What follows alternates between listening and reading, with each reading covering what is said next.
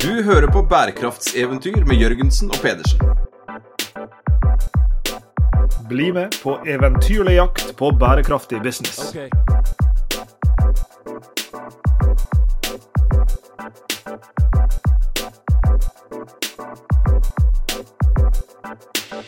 Du Sveinung, hva er din favoritt-dødsscene i en uh, animasjons- eller tegnefilm? Har du tenkt på det noen gang? Jeg er jo svak for sånn uh, løper ut, faller ned uh, utenfor en stupp, og så detter ned. Men jeg, jeg vet ikke om det er så mye dødsscener i det. Det er vel ofte ender med en annen form for bisarr overlevelse, men jeg, jeg, er glad i det der utafor stupet, og så løper Mm. ut noen meter til før den faller ned. Min um, favoritt-dødsscene er heller ikke en dødsscene, fordi, fordi det er en fingert dødsscene. Dette snakka jeg med døtrene mine om her en dag. Eh, og vi ble enige om at eh, For dette er da en, en kar som, som faker sin egen død i en sånn animasjonsfilm. Dette er Grusomme mai 2, for spesielt interesserte. Så er det en, en karakter som heter El Macho. Og han skal være den mest macho mannen verden noensinne har sett, så derfor så fingerer han sin død på den mest macho tenkelige måten. Så han stropper seg sjøl fast med kjetting til en hai og 250 kilo dynamitt, og så rir han den haien ned i en vulkan idet den har utbrudd. Det er liksom den mest macho måten å dø på. Og I går snakka vi om den mest Center for Sustainable Business-måten å dø på. Eh, For vi har besøk av vår kollega Anna Heitrem i dag, som er tilknytta vårt Center for Sustainable Business på NHH. Og hun var ute på elflytur i går. Og det ville jo vært en fryktelig eh, sustainable business-måte å dø på. Men heldigvis, heldigvis overlevde Anna, og hun er her i Bærekraftseventyrstudio sammen med oss. Velkommen, Anna. Tusen takk. Hvordan var det å fly eh, et elektrisk fly? Det var utrolig gøy. Jeg var ganske nervøs for, i forkant, fordi jeg var eh, på Arendalsuka 2019. Og da var det et sånt eh, elfly som skulle ha en demonstrasjonsrunde. Og det endte opp med å, å nødlande i et tjern i Agder etter relativt kort tid. Og det var det jeg hadde hørt om elfly før, før jeg, jeg vant denne turen da, i forbindelse med seriekonferansen i fjor. Og, så jeg var, jeg var litt nervøs. Og så hadde jeg ikke fått veldig mye informasjon i forkant, så jeg visste ikke så veldig mye da jeg dukket opp på Flesland. Og trodde jeg skulle fly med ett fly, og det var ikke det et stort liksom, et, et lite vanlig fly. Og så endte det opp med Da de pekte på noe som så mer ut som en sånn tuk-tuk med vinger, med plass til to personer, et lekefly, som var det vi skulle opp i. Så jeg var ganske nervøs. Men eh, det var helt fantastisk da vi kom i luften. Du, jeg, jeg er litt sur på Lars Jakob ennå, for han, liksom, han, han finte meg ut her med sånn spørsmål ikke sant, om, om min Uten at jeg forberedte det hele tatt, så har han forberedt den kule historien med hai og kjetting og alt sammen. ikke sant, Jeg, jeg sliter litt med å vri meg ut av det, men, men det derre flystupet utafor stupet, den traff jeg jo relativt eh, godt med, da, på den der følelsen av å, å, å skulle ut der, og så skal du stole på, stole på noe. Eh, og det er jo ikke så mange år siden vi snakka om rekkeviddeangst, og det er jo noe som fremdeles snakker om det, men vi har vel blitt litt flinkere til å planlegge fått litt mer batteri. Eh, når du snakka med disse flyfolka, hvilke utfordringer er det egentlig? Hva er det vi er redd for kontra det vi burde være redd for, eller er det egentlig ingen grunn til å være redd? For å fly, redd for å fly elfly? Med elektrisk, ja. Så rekkevidden er jo kort, da. Altså, jeg fikk jo vite at det flyet har ikke flydd fra Oslo til Bergen, det har blitt fraktet eh, med enten bil eller, eller båt. Så, så rekkevidden enn så lenge er jo ikke så veldig lang. Og det var et, som sagt, ganske sånn eh, sparsommelig innredet eh, fly, med noen hjul som ikke så ut som sånne vanlige hjul du lander med på fly. Så, så, er ganske, så er det ganske lett. Så det er ganske ustabilt i lufta. Det svingte mye fra side til side og rista fælt. Så jeg er ikke redd for turbulens i utgangspunktet, men jeg syns jo det var Ja, det var en ny følelse. Det var en ny måte å fly på. Um, og så sliter de visst med det at når, når, flyet går opp, det er da du bruker mest energi, så du skal helst ikke fly så høyt heller. Eh, og da jeg så på den rekkeviddemåleren på flyet, så var det vel 38 minutter eh, man kunne fly med. Så, så, vi kom oss fra Flesland og så litt ut i Sandviken, en runde over NHH. Fikk sett ned på arbeidsplassen min og barnehagen, der hvor datteren min går, og så snudde vi tilbake til Flesland. Så, og så bråker de jo litt Altså, jeg hadde kanskje tenkt at det skulle være sånn lydløst spionfly, nesten. Men det ristet og bråkte ganske mye mailfly også, altså. Vi er opptatt av eh, skala. Eh, og hvordan, hvordan, gjøre det små og stort. Eh, og i ditt arbeid så, så har du jo jobba mye med kommunikasjon et, etter at du var, tok grunnutdanninga di, Sivøk-utdanninga di på, på, NHH. Så kan du fortelle selv. altså Du jobba med kommunikasjon, og så har du gått over og, og blitt nå eh, doktorgradsstipendiat, som det heter så høy, høytidelig. Eh, og kommunikasjon har jo vært en, en, en, viktig del av den veien mellom NHH og, og nå. Eh, og kommunikasjon rundt, er derfor jeg spør hva er det vi egentlig bør være engstelige for, og da opp mot skala.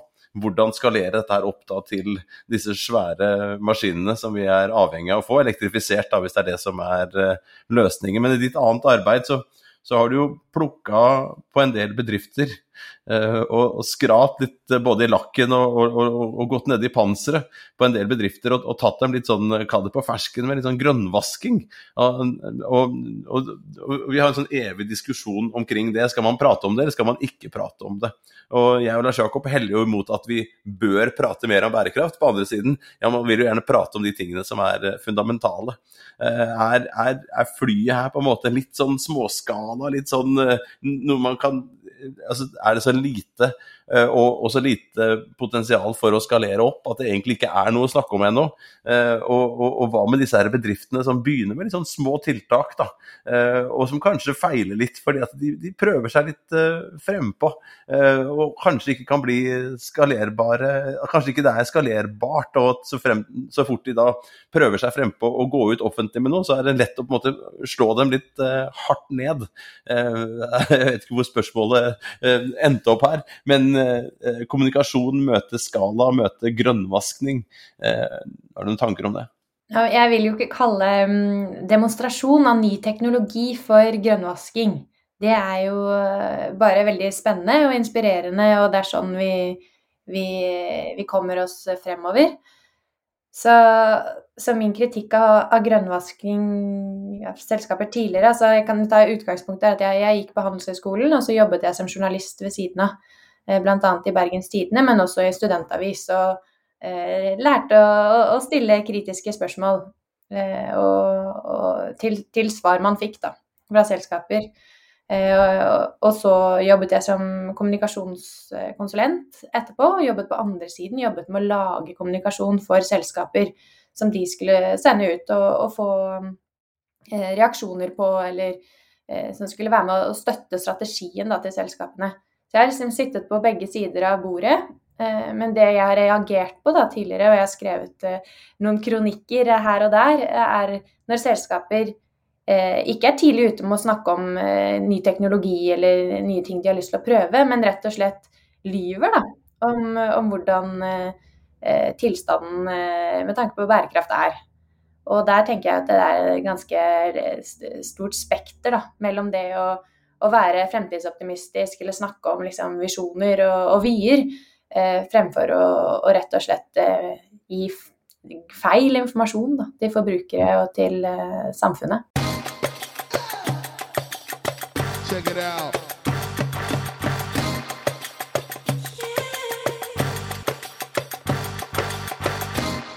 Vi har jo uh, smurt introduksjonen av deg litt utover noe annet, men vi kan jo gjøre det sånn uh, samlende på, på, vei inn her. For du er altså doktorgradsstipendiat på eh, samme institutt som oss, men mye viktigere tilknyttet Center for Sustainable Business. Og, og, du driver jo og forsker på en del spennende tematikk både rundt Um, utvikling av bærekraftsfeltet i Norge, rundt rolla til bærekraftsjefen og, og rundt uh, bærekraftsrapportering også. Uh, men det er ikke derfor vi inviterte deg i dag, for det er jo nettopp denne kommunikasjonsfaglige bakgrunnen, men også kommunikasjonsfaglige interessen din. Du nevnte vel ikke at du også var med å starte avisen Stoff her i Bergen, som fortsatt lever i, i beste velgående. Så du, du, har jo hatt en, en sånn kommunikativ inngang til, til veldig mye av, av, det faglige du jobber med. Og, og, jeg og du ble stående og snakke på, på, i korridoren på NHH i går Eh, i lys av det som kanskje kan få lov til å være et, eh, et lite inngangscase til, til, diskusjon. Eh, for vi ble stående og snakke om Thon hotellkjeden, som hadde endt opp på forsiden av samtlige norske aviser. Rett etter vi var ferdige å snakke, så kom plutselig Da hadde det akkurat snudd. Og dette dreier seg altså om Tonkjeden sin nylige beslutning om å om å um, ikke la hotellene sine flagge med, med pride-flagget. Og Dette er jo også en type kommunikasjon, altså det er jo en sånn kommunikativ handling i en viss forstand. I, I, både det å først ta den posisjonen, um, dernest i å, å snu, uh, og det kan jo bli en slags blanda kommunikasjon. Uh, og, og, Det knytter seg jo til tema som, som Sveinung var inne på, som du har vært opptatt av både faglig og gjennom kronikker. og i det hele tatt, Eh, som, som debattant eh, rundt grønnvasking, rosavasking og, og, andre typer vasking. Så kanskje kan vi, kan vi, gå litt inn i tematikken her eh, med dette dagsaktuelle Ton-caset. Hva er ditt take på det fra et sånn kall bærekraftskommunikasjonsperspektiv? Jeg syns jo den rosavaskingdebatten har vært eh, interessant å følge. Den har jo vært noen år nå hvor selskaper, store selskaper som DNB f.eks. har blitt eh, Eh, kritisert da, for å ha sånn påklistret aktivisme. De har eh, sånn pride-logoer eh, og går i pride-tog, og at det er en måte å kapitalisere på et aspekt av bærekraft og, og mangfold på. da. At det er veldig sånn kyniske interesser som ligger bak, og at da er det kanskje ikke um, Ja, da, da, mener de det kanskje egentlig ikke, og da, og da kan man kritisere det. Uh, men jeg har, vært, uh, jeg har, vært, egentlig ganske kritisk til det argumentet hele tiden. Jeg synes at uh, det er ikke en selvfølge i dag at selskaper tar et standpunkt i, knyttet til pride, dessverre.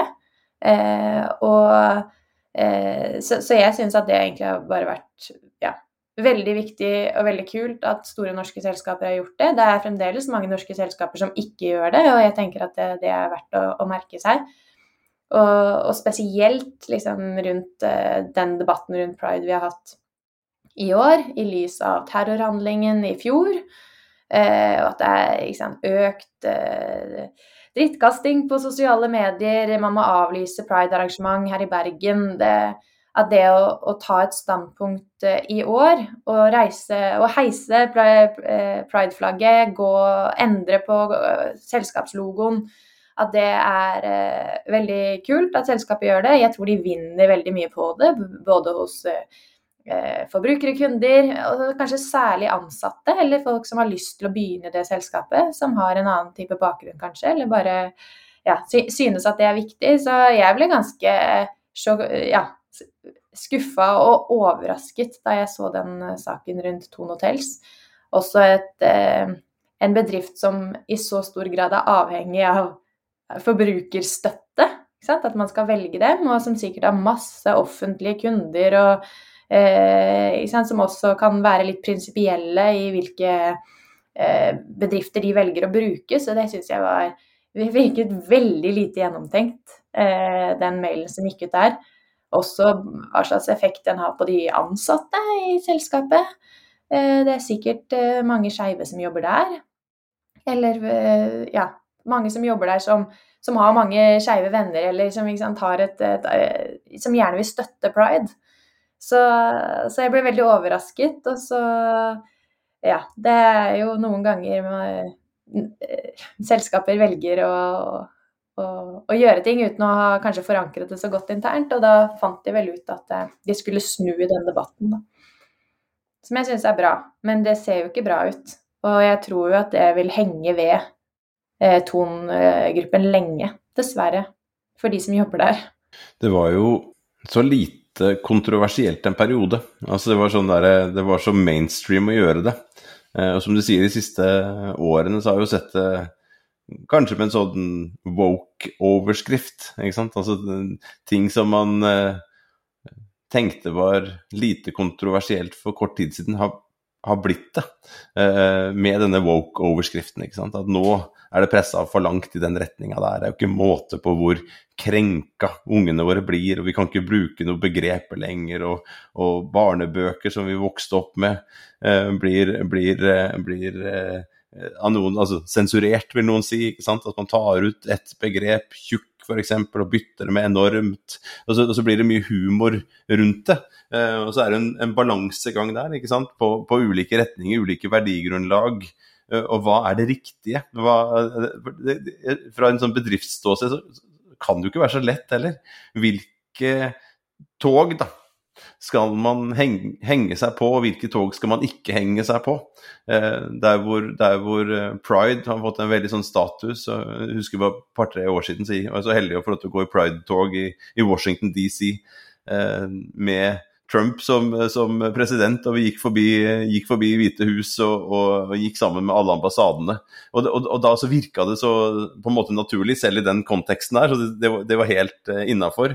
Uh, og da så vi også den debatten rundt der, for da hadde de ulike selskapene hadde jo sponset av ulike busser eller vogner, så, så, eller ikke busser, da, men altså ulike vogner, og, vise seg frem med dette pride-budskapet. Og det er selvfølgelig kritikk allerede da også. Liksom. Skal, skal, det være viktig hvis jeg skal kjøpe meg sko, liksom? Eh, enten jeg jobber der eller ikke jobber der, eh, eller er, er kunde?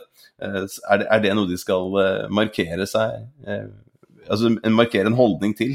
Men jeg syns liksom de siste, siste, årene, du trekker opp mange, mange, gode eksempler på her i Norge, med, med terroren bl.a., så har det liksom kommet seg en liten sånn kile av, av litt sånn skepsis. Eh, og, og, ting kan fort bli putta i en sånn woke-kategori. Og, og, en del ting er jo, er jo kanskje å, å trekke det for langt, men, men hvor Altså sånn i, i en sånn i en sånn uh, ja, i, i, en retning som mange da ikke vil føle seg verdimessig eh, komfortabel med. da.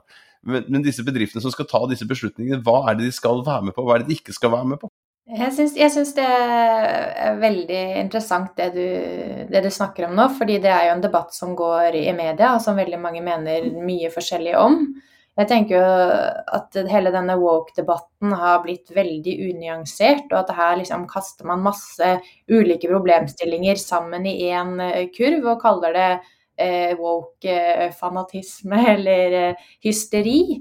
Og at liksom hva man skal kalle ja, overvektig, eller om man skal ha grunnleggende rettigheter fordi man blir forelsket av noen av samme kjønn, eller ikke identifiserer seg med sitt eget kjønn. Det er liksom ganske forskjellige temaer. Ehm, så jeg mener jo at det er en, det er en litt sånn oppkonstruert eh, debatt, og at eh, ja, dette med, med, krenking eh, er på en måte Ja. Det, det, har ikke så veldig mye med å, å, ha rett på grunnleggende menneskerettigheter å gjøre. Å si at noen er krenka fordi de ikke får, får lov til å, til å, være sammen med noen av samme kjønn, eller blir mobbet fordi de har lyst til å være sammen med noen av samme kjønn, det er liksom å, å kalle, kaste en sånn krenka lapp på det, det syns jeg er ganske eh, unyansert og ikke helt opplyst. Men jeg, jeg, tenker jo, altså dette er jo noe som kommunikasjonsbyråer da, ofte blir brukt til ikke sant? i samarbeid med selskaper. Og, og at, at, ofte så er kommunikasjonsbyråer de er eh, betalt for å holde seg oppdatert på samfunnsdebatten og på å hjelpe selskapene å ta en posisjon i samfunnet.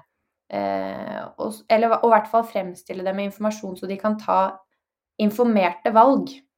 Og lære litt om konsekvensene av Hvis vi sier at vi ikke skal hei, heise pride-flagget, eh, ja, det er selskapets valg, men i hvert fall da kan de få vite litt om sannsynlige scenarioer da, av, å, av ulike valg, og at eh, mye kommunikasjon handler jo rett og slett om risikohåndtering for selskapet. Gi dem informasjon, så de kan ta velinformerte valg, eller i hvert fall være forberedt på negative konsekvenser ved noen av valgene de tar.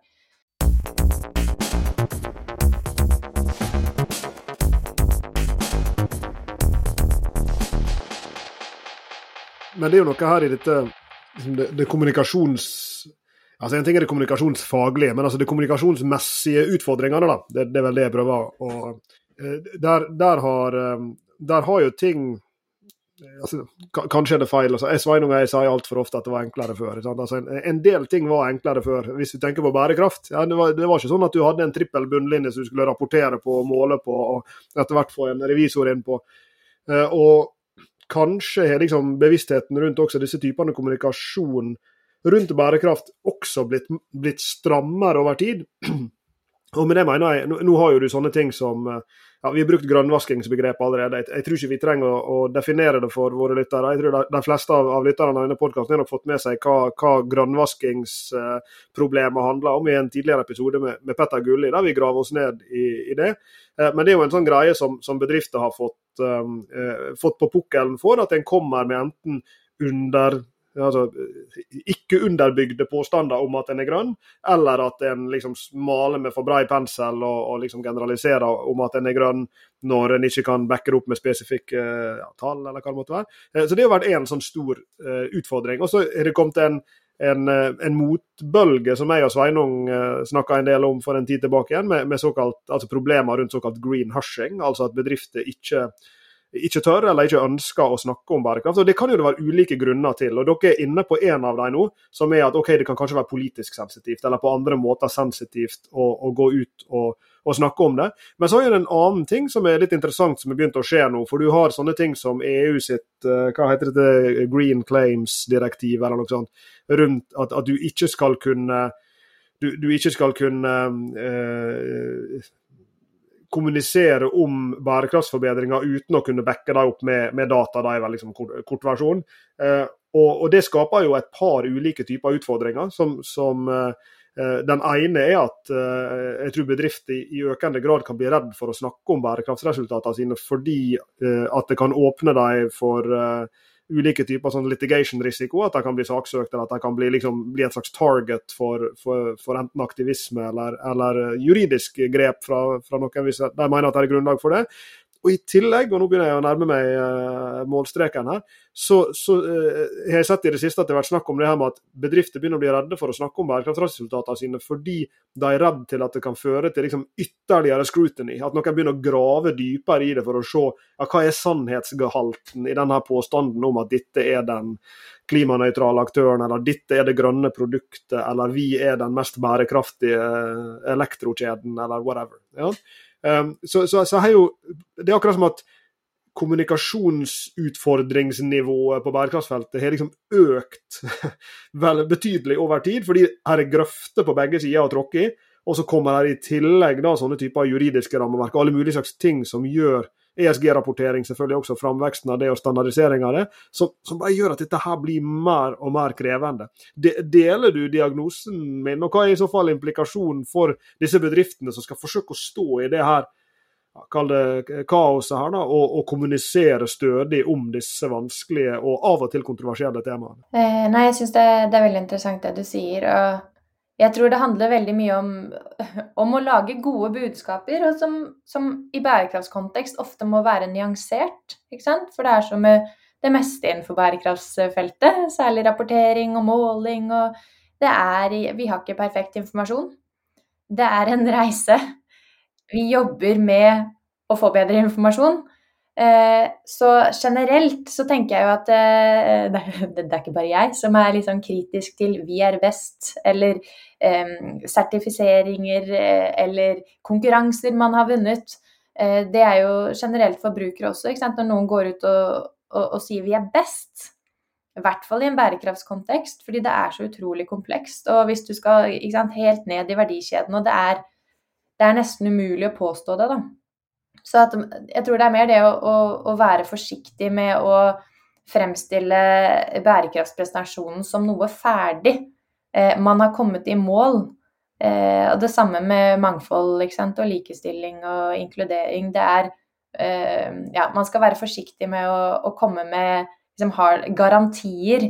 Eh, med mindre man har dokumentasjon til å, til å støtte det opp. og har, dere har jo referert litt sånn indirekte til en, en, kronikk jeg hadde i Dagens Næringsliv hvor jeg kritiserte Nortura for grønnvasking. Eh, og eh, noen vil kanskje synes at, at, det var urettferdig, eller der men, men, utgangspunktet for det var jo at de hadde denne grisedokumentaren som kom ut, med forferdelig rystende fotomateriale. Og så samme dag som den eh, dokumentaren skulle slippes på NRK, så gikk de ut med sånne dobbeltsidige annonser i Norges største aviser. Hvor det, sto, hvor det sto at det står det gilde på pakka, så skal du være trygg på at grisen Nei, at kjøttet er norsk, og at grisen har hatt det bra. Eller, ja. Husker ikke Men det var i hvert fall en, en garanti. ikke sant? Du som forbruker skal være trygg på dette. Og det viste jo den dokumentaren at det var det ingen grunn til. Så det var, det var, Og det er et ganske ekstremt eksempel, da. Um, og så så gikk Nortura altså ut i etterkant av den dokumentaren og sa at ja, men nå, har, nå skal vi få rutinen på plass, nå skal ting bli bedre, og vi lover sånn og sånn. Og så gikk det vel et år eller to år senere, og så kom det en ny dokumentar. Eh, og det gikk jeg ut da og kritiserte og kalte at dette er et skrekkeksempel på grønnvasking, hvor man da lover forbrukerne sine noe som man ikke kan holde. Og jeg tenker at det hadde vært mulig for Nortura gått ut og sagt at sant, dette er et satsingsområde, dette skal vi jobbe med å forbedre. Det er utrolig komplekst. Altså kommunisere rundt veien til målet, heller enn å love forbrukeren at man er i mål, eh, når det er veldig langt unna realiteten, da. Så, så det var et sånt eh, konkret eh, eksempel hvor eh, min intensjon var ikke å ta eh, Nortura, men det var et så veldig sånn tekstbokeksempel på hvordan man eh, ikke burde kommunisere rundt bærekraft fordi det er så komplekst. Det er nesten altså, Og det tror jeg altså forbrukerne har forståelse for. At det er veldig vanskelig når du har så mange gårder og så mange underleverandører og å ha, ha, kontroll på alt hele tiden. Det er det nesten ingen virksomheter som Det, det er utrolig vanskelig. Eh, det er for så vidt noe av det jeg jobber med på NHH. Da. Jeg jobber med eh, styringssystemer og kontrollmekanismer i selskaper, og, og, hvor komplekst det er. Eh, men, men, ja, så det er utgangspunktet for den Nortura-kommentaren. Og så, så, svarte jo også da Nortura dager etterpå at Og det er jo også sånn interessant fra kommunikasjonsfaglig perspektiv at de sa at ja, det, vi er helt enig i kritikken til, til Anna Eitrem. Det var grønnvasking. Eh, som eh, Ja. Og så er det en, en approach da, til bærekraftsinformasjon, nei, kommunikasjon. Eh, så ja, det var, det var, et case, da. Men jeg tror at eh, ja, som en oppsummering at uh, for, for, hvordan gå riktig i bærekraftsinformasjon, så tro, nei, kommunikasjon, så tror jeg at uh, det handler om å, å, snakke om reisen, ikke å snakke om end goal. Fordi vi vet at i disse spørsmålene så er virkeligheten så kompleks. Og så tror jeg det er masse å tjene for virksomheter på å tørre å kommunisere rundt det. Kanskje særlig Altså det er jo ikke alle virksomheter som skal selge til forbruker, men, men kanskje særlig for de som jobber der, da. Eh, det er jo så utrolig mye forskning på hvor mye mer effektive og motiverte og hvor mye mindre sykefravær osv. osv. Eh, ansatte har hvis de er stolt av virksomheten sin og ser meningen i det de holder på med. Og der er jo bærekraftsfeltet ofte en sånn utømmelig kilde til, til, å finne gode argumenter for, for, hvorfor selskaper gjør det de gjør. Da. Men det er også en utømmelig kilde til, eh, til, saker der hvor det kan være meningsbrytning, og hvor folk vil oppleve at de har andre verdier som kanskje da blir utfordret av bærekraftstiltak. Eh, det er lett å bruke liksom, sørstaten i USA som en sånn evig stråmann. Vi, har noe der borte eh, som er ganske nært oss på mange måter, men som er litt forskjellig. Og vi vet at eh, bærekraftsmålene der de har fått litt sånn, litt sånn tra trange kår. Og vi, vi, vet også fra USA mer generelt at det, det blåser en litt sånn anti-ESG-vind ikke sant, over dette her. For det er, det er jo så lett på én måte å tenke at alle disse tingene er så positive. Pride positivt. Spise mindre kjøtt positivt. Brenne mindre olje positivt. Men så står selskapene der, da. Det er et, et flyselskap sånn som vi begynte med i dag, og så skal man frakte folk da, fra, fra et sted til et annet. Og det er jo kjernevirksomheten. Og per i dag så er det olje primært i en form som, som, må brennes for å frakte, frakte, folk. Og så prøver man med noen nye teknologier. Eh, hvis vi ser de nye kostholdsrådene nå, da, apropos Nortura, eh, så, så, heller jo det i retning at vi burde spise mindre kjøtt og, og, og mer, mer, grønnsaker. Og Det er jo ganske sånn kontroversielt, og det tror jeg veldig mange kunder også vil oppleve Eh, og medarbeidere. Hvis et selskap da eh, ja, En ting er sånn åpenbart at det er et, et, et selskap som er i kall kjøttindustrien. da. Men hvis det hadde vært en, en aktør i reiselivet eksempel, som hadde hatt restauranter, og, og, som tok et veldig sånn standpunkt uh, ja, sånn som uh, det som nå heter Strawberry Well, som het uh, Strawberry Well. det heter Strawberry Well, som tidligere het Nordic Choice, som prøvde å ta vekk dette elskede baconet. Eh, ikke sant? Da tar de en sånn standpunkt som egentlig mange ville oppleve som veldig, veldig bra. Altså jo, det her, vi, vi, må spise mindre kjøtt. Eh, det er for mye fett i dette her. Eh, vi trenger ikke alt dette saltet. Det fins gode alternativer til det. Det tok jo ikke så lang tid før de måtte snu. Og et, mange bedrifter vil jo stå der Enten som at dette her er direkte det produktet de, de, de, selger, eller den tjenesten de selger. Altså, tenk å være et reisebyrå som skal virkelig ta inn over seg. Jeg husker Berg-Hansen for noen år siden jobba med det. Altså, ja, vi er reisebyrå, men vi må få folk til å reise mindre. For i kjernen av det vi holder på med, så er det noe som ikke er bærekraftig. Men samtidig så skal man da tjene penger. Vi har akkurat snakka med Ruter på en annen episode her, og Johan Gjærum om om at det mest bærekraftige reisen er den man ikke tar, og så samtidig så skal man tjene penger på det. Eh, vi jobber med avfallsbransjen, som, som eh, burde definere ut avfall. De burde blitt betalt for å ikke hente avfall. Så, så noe, noe, av det jeg sier her, er jo kjernevirksomhet, noe annet er som tilstøtende. Da. Eh, og det er jo en del av disse bærekraft... Jeg angrer jo litt på at jeg trakk fram woke-begrepet, for jeg, jeg, liker jo woke. altså Hvis du ser på historien der, vi må være våkne. altså Det var jo, det var jo mot, mot uh, rasisme og raseskille i USA, hvor de sa at her må vi stå opp vi må se hva som skjer rundt oss, vi må stå opp for dette her. Og jeg hater jo at dette begrepet som egentlig har startet så positivt, har blitt gjort negativt. Eh, og blir kasta, sånn som du også sier, litt sånn unyansert på hva enn det er. Eh, men samtidig så skjønner jeg også bedriftene som står der, da. Enten det er i kjernevirksomheten sin, eller om det er tilstøtende, eller det er å gå ut F.eks. hvis du opererer i sørstaten i USA, da, bare for å komme tilbake til den stråmannen, og, og gå ut med pride der, hvor det kanskje kan skape så negative konsekvenser også for lønnsomheten, også for kundene, også for medarbeiderne. Da er det jo ikke så enkelt. Jeg tenker jo eh, rundt det med, med selskapskommunikasjon at eh, ofte når selskaper skal investere i noe, eller liksom, de skal ta store, viktige beslutninger, så gjøres det veldig mye analyse rundt det. Og at eh, kommunikasjonsfeltet så har det kanskje vært gjort Altså man, man, kommuniserer, og så er det ikke alltid man tenker helt over. Hva, hvordan kan dette, hvis det er et tema som kanskje burde vært flagget som her kan det være litt kontroversielt. Her går vi ut og mener noe om en debatt hvor det kan, er noen steile fronter. Eh, og tenke litt rundt, ikke sant. Hva kan være, hva kan være reaksjonene på det?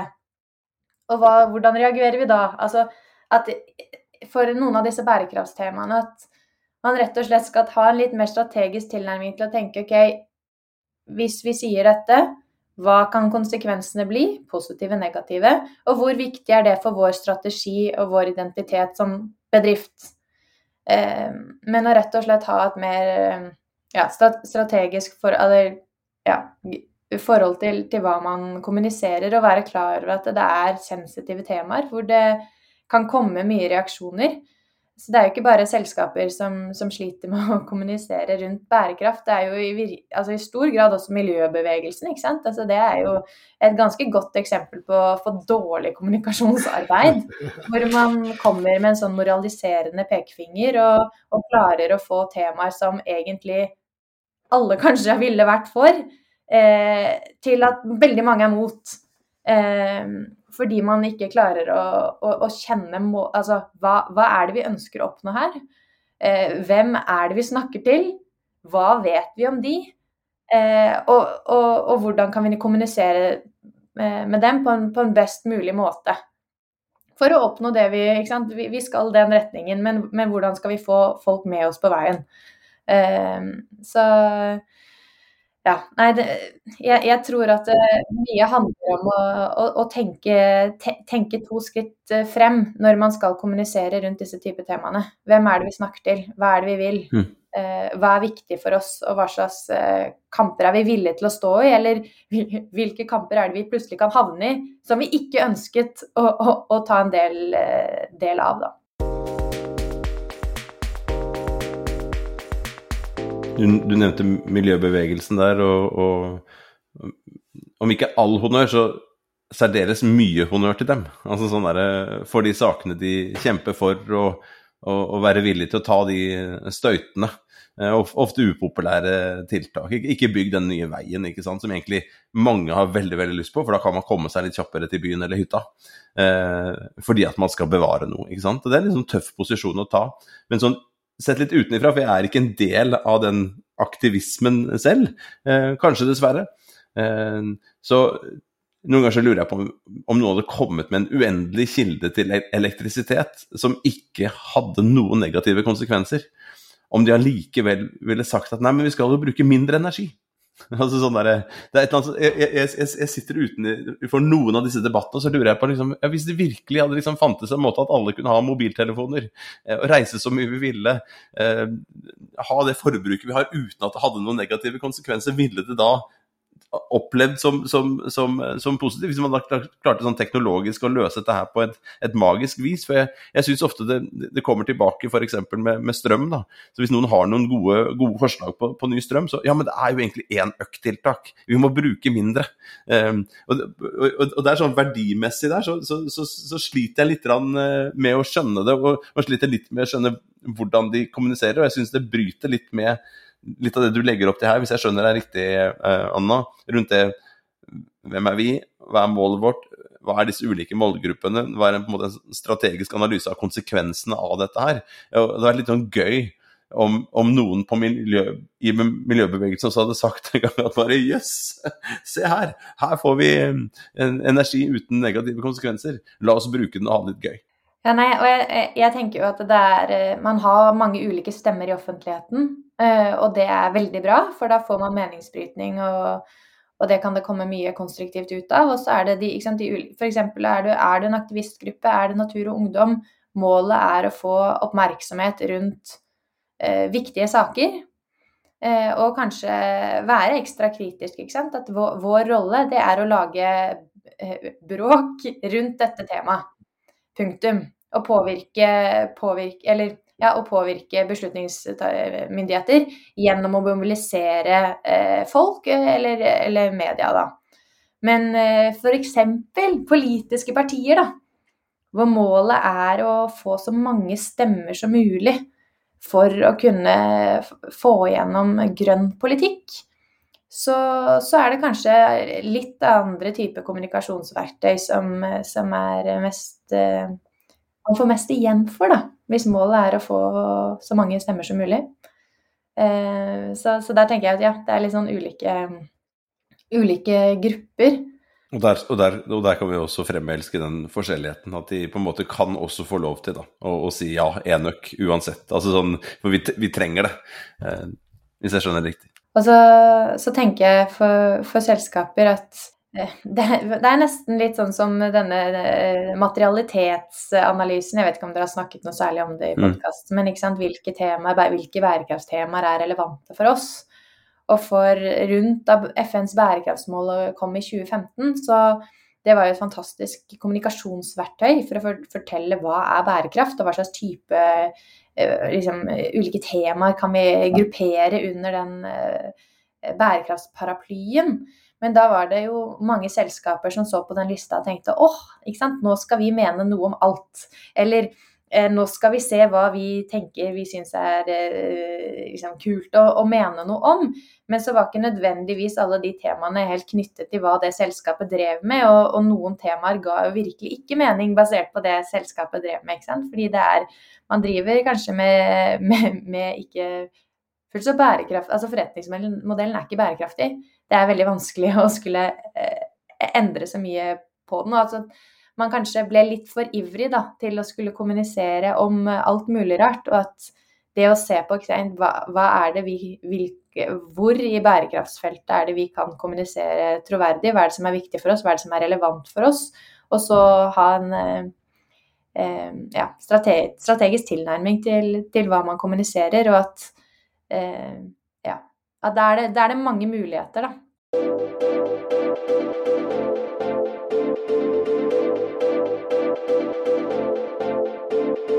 Her er så mange ting her jeg kunne tenkt meg å, å, å diskutere videre og plukke opp. og Vi, vi er jo gleden av å, å ha deg i, um, på, på, i samme korridoren som oss andre. så Vi får snakke med deg om disse tingene hele tida. Og, og, en annen ting vi får lov til, er å ta deg med inn og, og undervise masterstudentene våre i, kurset Sustainable Business Models om disse temaene her. Og Jeg husker godt sist eh, du var der med din strålende gjesteforelesning om bærekraftskommunikasjon, så, så snakka jo om de mange kanalene som bedrifter eh, kommuniserer gjennom, og de mange måtene bedrifter kommuniserer på. Det er jo alt fra det ble trukket fram her i går på Twitter at eh, Volkswagen sin logo har pride-farger på alle plattformene deres. Eh, bortsett fra i noen land hvor det kanskje ikke er formålstjenlig å ha pridefarger på Volkswagen-logoen. Det er en type kommunikasjon. Det er en type kommunikasjon det som står på nettsidene til eh, Volkswagen. Det er en type kommunikasjon som er gjennom produktene deres. Eh, og så det, det driver de påvirkningsarbeid, lobbyisme. De har ledere som snakker i offentligheten, er på konferanser osv. Alt dette her er jo på en måte fasetter av kommunikasjonen til ja, tilfeldig valgt selskap, eh, Volkswagen. Uh, og jeg, jeg, jeg, må si, I lys av denne Thon-saken i går, så klødde jeg meg litt i skjegget. For det var en stor en overskrift, en kronikk som var skrevet av Torbjørn Røe Isaksen, der han skrev 'Bedrifter er ikke politiske aktører'. Og så tenkte jeg jøss. Jeg tror det finnes en del sånn anekdotisk bevis på at det kanskje ikke helt stemmer når vi ser på hva bedrifter driver med, både her til lands og rundt omkring. De er kanskje ikke politiske institusjoner, det skal det heller ikke være. Men jeg syns jaggu det er ganske tøff selv å påstå at en bedrift ikke opererer som en politisk aktør innimellom. Men den diskusjonen kan vi ta en annen gang. Eh, kanskje skal vi invitere Torbjørn Røe Isaksen hit for å, for å, diskutere det. Men poenget mitt var eh, Du eh, har snakka om disse kanalene, og jeg husker vi satt og diskuterte det med, med studentene våre forrige gang. En av de mange kanalene her som er lederens rolle, og kanskje spesifikt CEO-ens rolle i å drive bærekraftskommunikasjon. Det var vel CEO-en i Nortura hvis jeg husker det rett, som signerte svaret til deg om at jo, de driver med grønnvasking. Og da gjør jo han en type viktig kommunikasjon rundt dette her direkte som et svar. ikke sant? Um, vi har en tidligere episode i, serien vår med Georg Wernicke, kollegaen vår fra HEC i Paris, som har gjort forskning på, på CEO-aktivisme. Uh, du trakk fram husker jeg, Nicolai Tangen i forelesninga til studentene våre, og, og, og, brukte også mange andre uh, eksempel. Uh, og Det var en sånn veldig synlig og sterk form for kommunikasjon, på et vis, som har stort potensial, men som åpenbart også har en nedside eh, potensielt. altså Det er en risiko knytta til at ledere gjør det her også. Og jeg kan forestille meg at det liksom i store børsnoterte selskap ute i den store verden, at det kan være styrer som har det sånn blanda mm, synspunkt på det at en CEO velger å gå ut og være litt sånn superstar communicator rundt tema som Sveinung var inne på i stad, av og til kan være også kontroversielle og liksom divisive eh, mot det massemarkedet som den bedriften kanskje skal kommunisere til, hvis du f.eks. er et Volkswagen. da. Det var nok et uh, long and winding oppspill her, men, men, du forstår hvor jeg vil hen. Hva tenker du rundt denne rolla til kanskje spesifikt da, topplederne til å drive denne type bærekraftskommunikasjon? Hva er fordelene med det, hva er ulempene med det, og, og, og hvordan i all verden skal en gå fram for å navigere seg trygt gjennom det minefeltet? Jeg, jeg syns det, med, det er vel CEO activism, som, som, vi, som vi kaller det i forelesning. da. Um, og det er jo altså det at bedriftsledere kommuniserer til samfunnet, eh, det, og ikke bare til aksjonærene eller de ansatte, det er jo noe som vi har hatt i samfunnet vårt eh, veldig, veldig lenge. Men så har det jo blitt ytterligere forsterket av sosiale medier. De har fått en, et nytt talerør. De må ikke snakke gjennom eh, journalister i avisene. De kan kjøre innholdet rett ut på LinkedIn eller, eller Twitter, f.eks. Og jeg tror at eh, Og det er jo forskning på også, som viser at hvis du har en CEO som er veldig engasjert i et tema, f.eks. et bærekrafttema, så kan det ha veldig positiv påvirkning på bærekraftsperformance hos den virksomheten.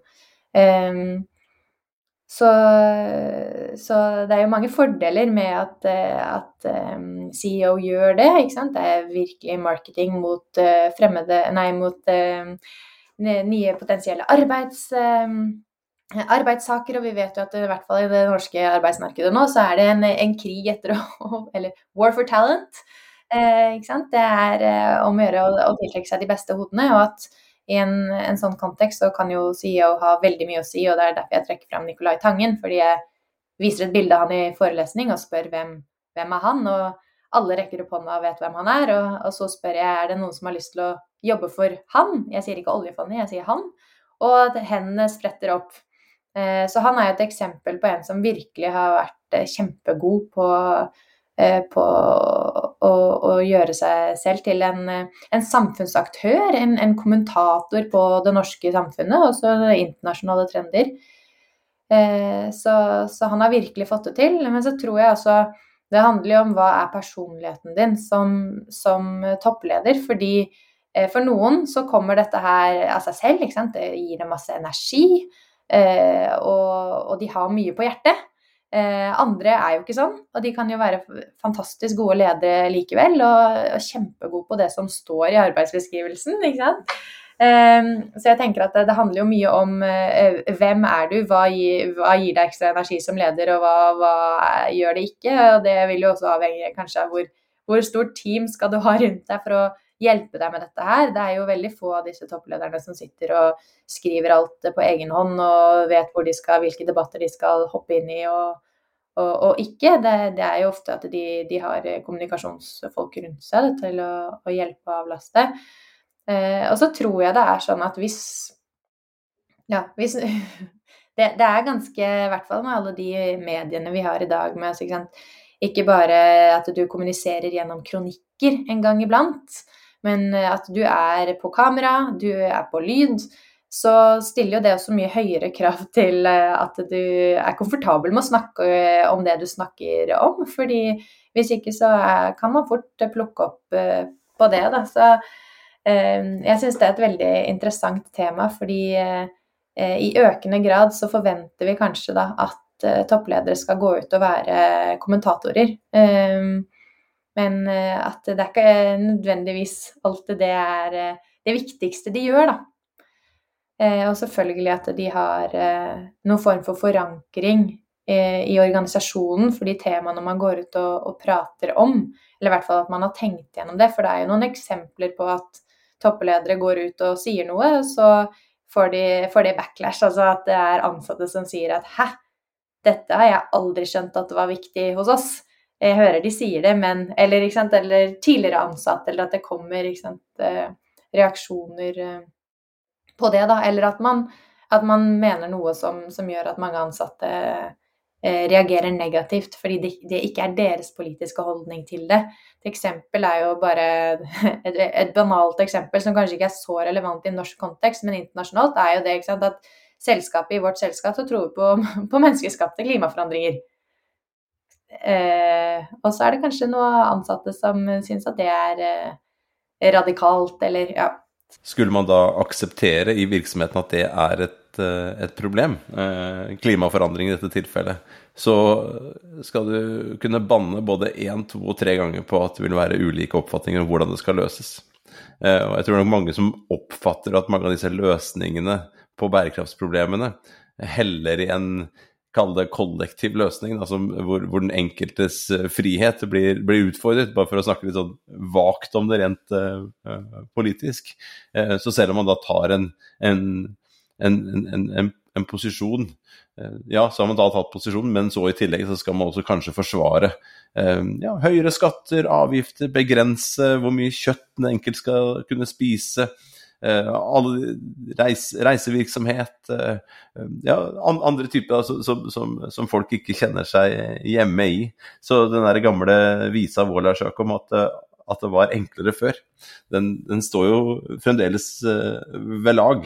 Det, det, var litt enklere før. Solgte du pølse, så, så, kunne du få lov til å selge pølse. Og det var viktigste var om pølsa var god, uh, ikke nødvendigvis hvordan den uh, ble laget. men i dag så står jo da ledere, enten de er på styreledere eller om det er administrerende direktører, altså disse CEO-ene, eller, eller, eller, hvor man er i organisasjonen, de, de står i, i, i, utfordringer der. Både, som vi har sagt nå, verdimessig, og, og, og, hvordan dette her skal flagges eller ikke flagges. Og nå endte jo pride-flagget til, til Ton til topps den gangen. Og metaforprisen for 2023 går til Nei. til eh, Sveinung Jørgensen med flagget til topps. Og så kan det jo hende at det er litt sånn vond smak i munnen hos, hos, flere på, på prosessen, og hva som førte til at, de, at, dette flagget ble hevet. og Det blir spennende å se fremover, både med, med Ton og andre aktører, hvordan de velger å, å kommunisere denne, denne saken og andre saker. Tusen takk for å berike kunnskapen vår, Anna og, og, denne diskusjonen. Vi gleder oss til å følge doktorgradsarbeidet ditt videre, eh, og ser også fram til nye kronikker og nye fremstøt i ulike sosiale medier, og ikke minst ha besøk av deg igjen i, i klasserommet vårt. Tusen takk. Du har hørt på Bærekraftseventyr med Jørgensen og Pedersen. Send e-post til eventyr krøllalfa jorgensenpedersen.no for å stille spørsmål eller komme med forslag til tema for fremtidige episoder. Og besøk jorgensenpedersen.no for mer informasjon om denne podkastserien. Derfra kan du også fortsette samtalen med oss i sosiale medier på Twitter, Facebook, LinkedIn, YouTube og andre steder.